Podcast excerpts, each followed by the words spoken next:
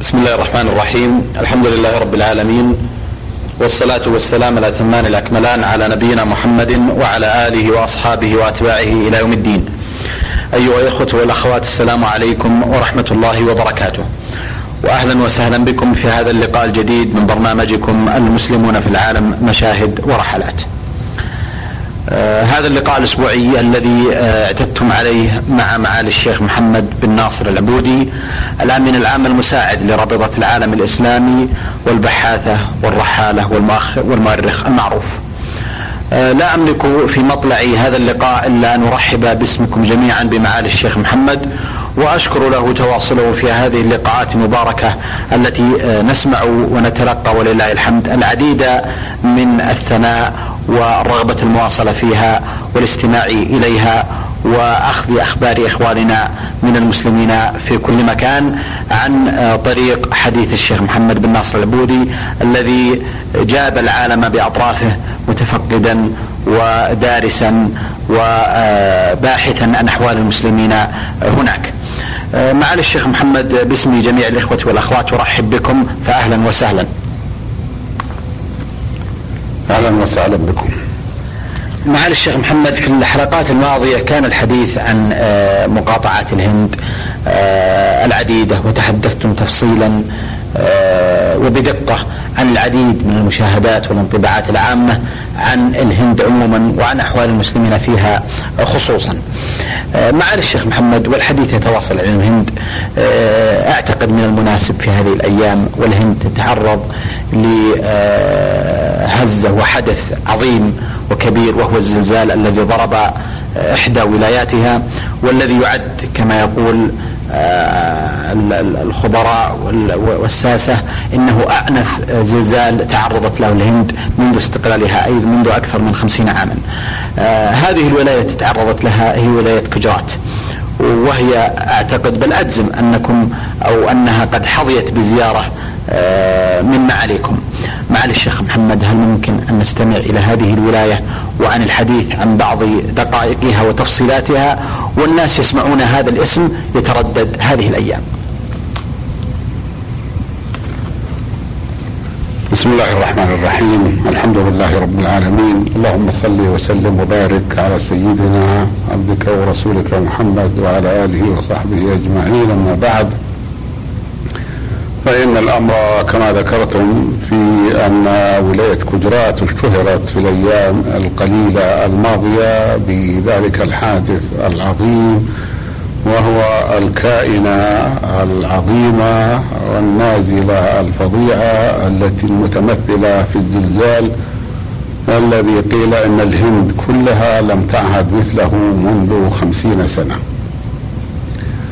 و لذلك صار بعض الناس يحب ان يسمع الحديث عن ولاية كجرات وبطبيعة الحال قبل أن يصيبها الزلزال وكذلك بعض الناس الذين يكونون قد قرأوا شيئا عن تاريخها وعن الآثار الإسلامية فيها فهم يتشوقون إلى الحديث عنها. ونظرا لرغبتكم وهي رغبة تلبيتها عزيزة علي ومهمة وكذلك لا شك في أن الإخوة المستمعين أيضا يتشوقون إلى ذلك فأخبركم بما شاهدتم فيها لأنني قد زرتها وجميع ما أتكلم عليه في هذا البرنامج سواء كان ولاية أم مملكة أم جمهورية أم إقليم. فإنما أذكر ذلك عن مشاهدة ولا أتكلم على بلد لم أزره. آه ذلك بأن آه عنوان هذا البرنامج هو مشاهدات ورحلات وهي تقتضي من المتكلم أن يكون قد زار البلاد وأن يكون كلامه عنها كلام مشاهدة وعيان وخبرة. إضافة إلى أنني قد اعتدت في جميع سفراتي أن أقيد ما أراه أي أن أكتبه وأن أجعله في كتب وهذا من توفيق الله سبحانه وتعالى وهو المحمود على ذلك. تقع ولاية كجرات في غرب الهند. ونحن كما اعتدنا في التعريف بالولايات الأخرى نحن آه، آه، آه، نعرف أو نقول أول الأمر أنه يجب علينا أن نعرف اسم الولاية مما اشتق. سألت أكثر من واحد من المهتمين بهذه الأمور فأخبرني أنها منسوبة إلى أقوام يقال لهم الكوجار كوجار. ولذلك بعض الناس يقرأها كوجارات. ولكن الذي سمعتهم يقولون كجرات وبعضهم يقول كجرات فهي نسبة إلى قوم ولكني لم أستطع معرفة هؤلاء القوم وبطبيعة الحال أنهم هنود لأنهم في منطقة الهنود والمنطقة معمورة قديما ويجب أن نذكر آه، أول أن أول من افتتحها من المسلمين هو السلطان محمود بن سبكتكين رحمه الله الذي كان آه، مركز آه، حكمه مدينة غزنة في أفغانستان. وهو الذي يعتبر بحق فاتح الهند فنحن تكلمنا في السابق على أو دخول الإسلام إلى الهند وقلنا إن دخول الإسلام إلى السند هو قديم وأول من فتحها هو فتح السند وليس الهند باعتبار التقسيم القديم ولا يزال هذا التقسيم موجود يعني التسمية الهندية موجودة ومعظمها في باكستان. وأما السلطان محمود بن سبكتين فإنه أقبل في جيش جرار وغزا الهند نحو من ثمان عشرة غزوة وكلها يفتح الله بها على المسلمين. صحيح أنه تحصل في بعض الأحيان يحصل امتحان ويحصل للمسلمين آه، على المسلمين شيء من النقص ولكن هذا الرجل المجاهد يتلافاه ويأتي بجنود أقوى لأن المسلمين أيضا يكون في جيشه أناس منهم متطوعون ومجتهدون ويحثون المسلمين على الجهاد في سبيل الله وعلى فتح الهند. فقد فتحها السلطان آه، محمود ولا أقول فتحها أنه وصل إلى كل زواياها ولكن فتح آه، معظمها المشهور ومن ذلك صنم اسمه سومانات. الهنادك قالوا كانوا يزعمون أنهم لا يمكن أن يحتل محتل هذا الصنم لأنهم يزعمون أنه يدافع عن نفسه وأن كل من قرب منه فإنه لا بد أن يموت.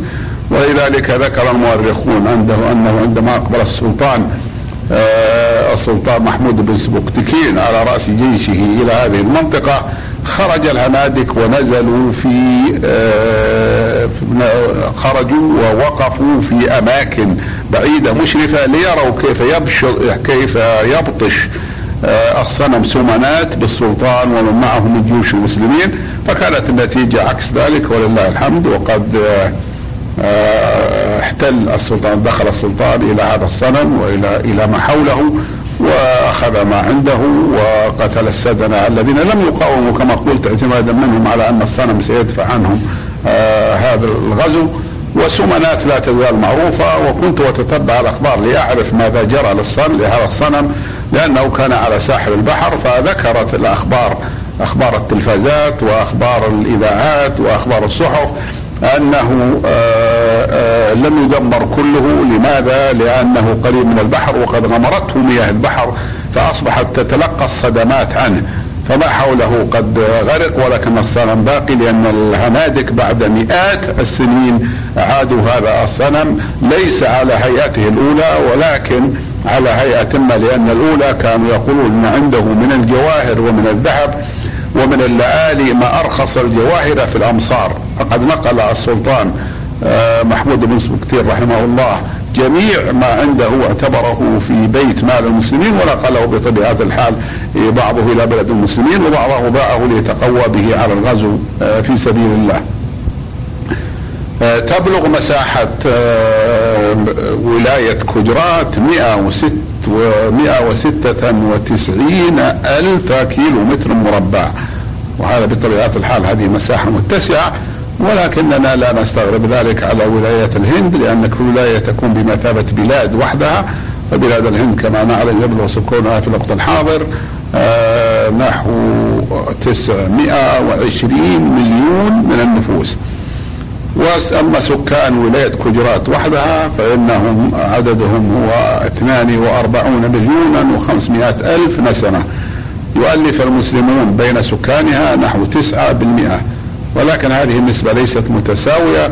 فهي في العاصمة أحمد آباد التي كانت عاصمة للمسلمين لقرون طويلة آه، تبلغ نحو 27% هكذا قال لي الإخوة المسلمون ولم أتحقق آه، ولم أتحقق من هذا عن غيرهم. وممن قال ذكر لي هذا الرقم الأخ آه، ميرزا قرار بيك الأمين العام لجمعية أهل الحديث في كجرات ومقره أحمد آباد. ولكن المسلمين لا تبلغ نسبتهم في بعض الأماكن إلا نحو ثلاثة بالمئة. فنسبتهم تختلف بين مدينة وأخرى. أما في مدينة بهوج التي ذكر أنها هي مركز الزلزال أي أنها تضررت لحقها الضرر الأكبر منها فإن المسلمين يؤلفون فيها أحد عشر بالمئة. وما بقي ذلك لا نعرف أن في كجرات مكان يصل عدد المسلمين